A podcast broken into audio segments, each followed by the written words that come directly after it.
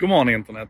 Eh, vi får se vad det blir för ljudkvalitet på det här. Jag befinner mig alltså utomhus. Jag ville skjuta det här innan, innan solen hann gå ner. Det är alltså eftermiddagen på eh, kvällen kan man säga innan den här morgonen när jag publicerar detta. Jag befinner mig i Dorking. Det är en eh, liten småstad strax söder om London. Eh, 12 000 invånare tror jag, så den är, den är liten på riktigt. Eh, och jag är här och jobbar, eh, men på onsdag så ska jag göra ett, eh, ett litet webbinar. Jag ska göra en liten, en liten online-grej på onsdag också. Och den webbkameran som jag hade packat med mig när jag åkte hit, det visade sig att det är glapp i kontakten. Så att, long story short, jag behövde en ny webbkamera och jag måste ha den på onsdag morgon. Så att eh, jag sätter mig på bussen faktiskt i, i tio minuter, en sån här härlig röd engelsk buss för att ta mig in till, till Dorking från hotellet där jag bor. Eh, och sen så börjar jag promenera, gata upp och gata ner. Ja, och tänkte, märkligt alltså, finns det inga sådana här vanliga elektronikaffärer här? Så jag tar fram Google Maps och så börjar jag leta och så hittar jag ett par elektronikaffärer och så går jag till dem. Men det visar sig att de säljer i stort sett bara dammsugare och skrivarpatroner. Dammsugare och skrivarpatroner överallt. Eh, besöker den ena sån här lilla affären efter den andra och, och, ingen har webbkameror. Och det är klart jag kan förstå att idag när du köper en laptop så har den ju en webbkamera inbyggd och, och, och det duger för de allra flesta bruk. Men jag måste ha en lös webbkamera. Jag tyckte det kan väl inte vara så jävla svårt. Det finns en hel en hel omgång med sådana här relativt moderna då, eh, mobiloperatörsbutiker här som säljer mobilskal och så vidare. Men fan ingen webbkamera. Alltså tänkte jag, då söker jag på computers istället och hittar någon computer store som ligger in på någon mystisk bakgata. Men där är ju ingen, ingen datoraffär där inne. Och så börjar jag titta mig omkring i övrigt på, på retail-utbudet. Liksom så. Vad är det man egentligen säljer i de här affärerna? Och herregud vad deppigt det är.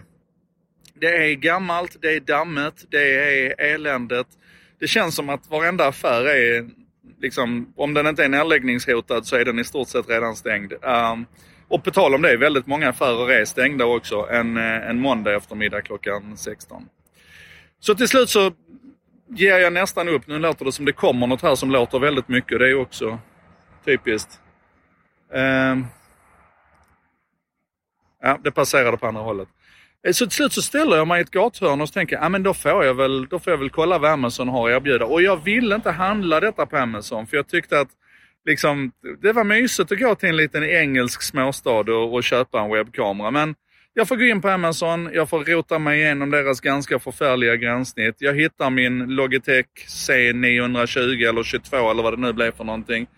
Kostar eh, 30 pund. Där är jätterabatt på den just nu, så 300 spänn. Och fri shipping till mitt hotell och jag kommer att ha den. Jag hade kunnat få den klockan sex imorgon eftermiddag på free shipping men det, det kändes lite så här skakigt så att jag betalade lite extra. Jag betalade lika mycket för shippingen. Nej, tre pund extra kostade Tre pund extra fick jag betala för att få den klockan ett imorgon eftermiddag. Alltså direkt efter lunch imorgon kommer den.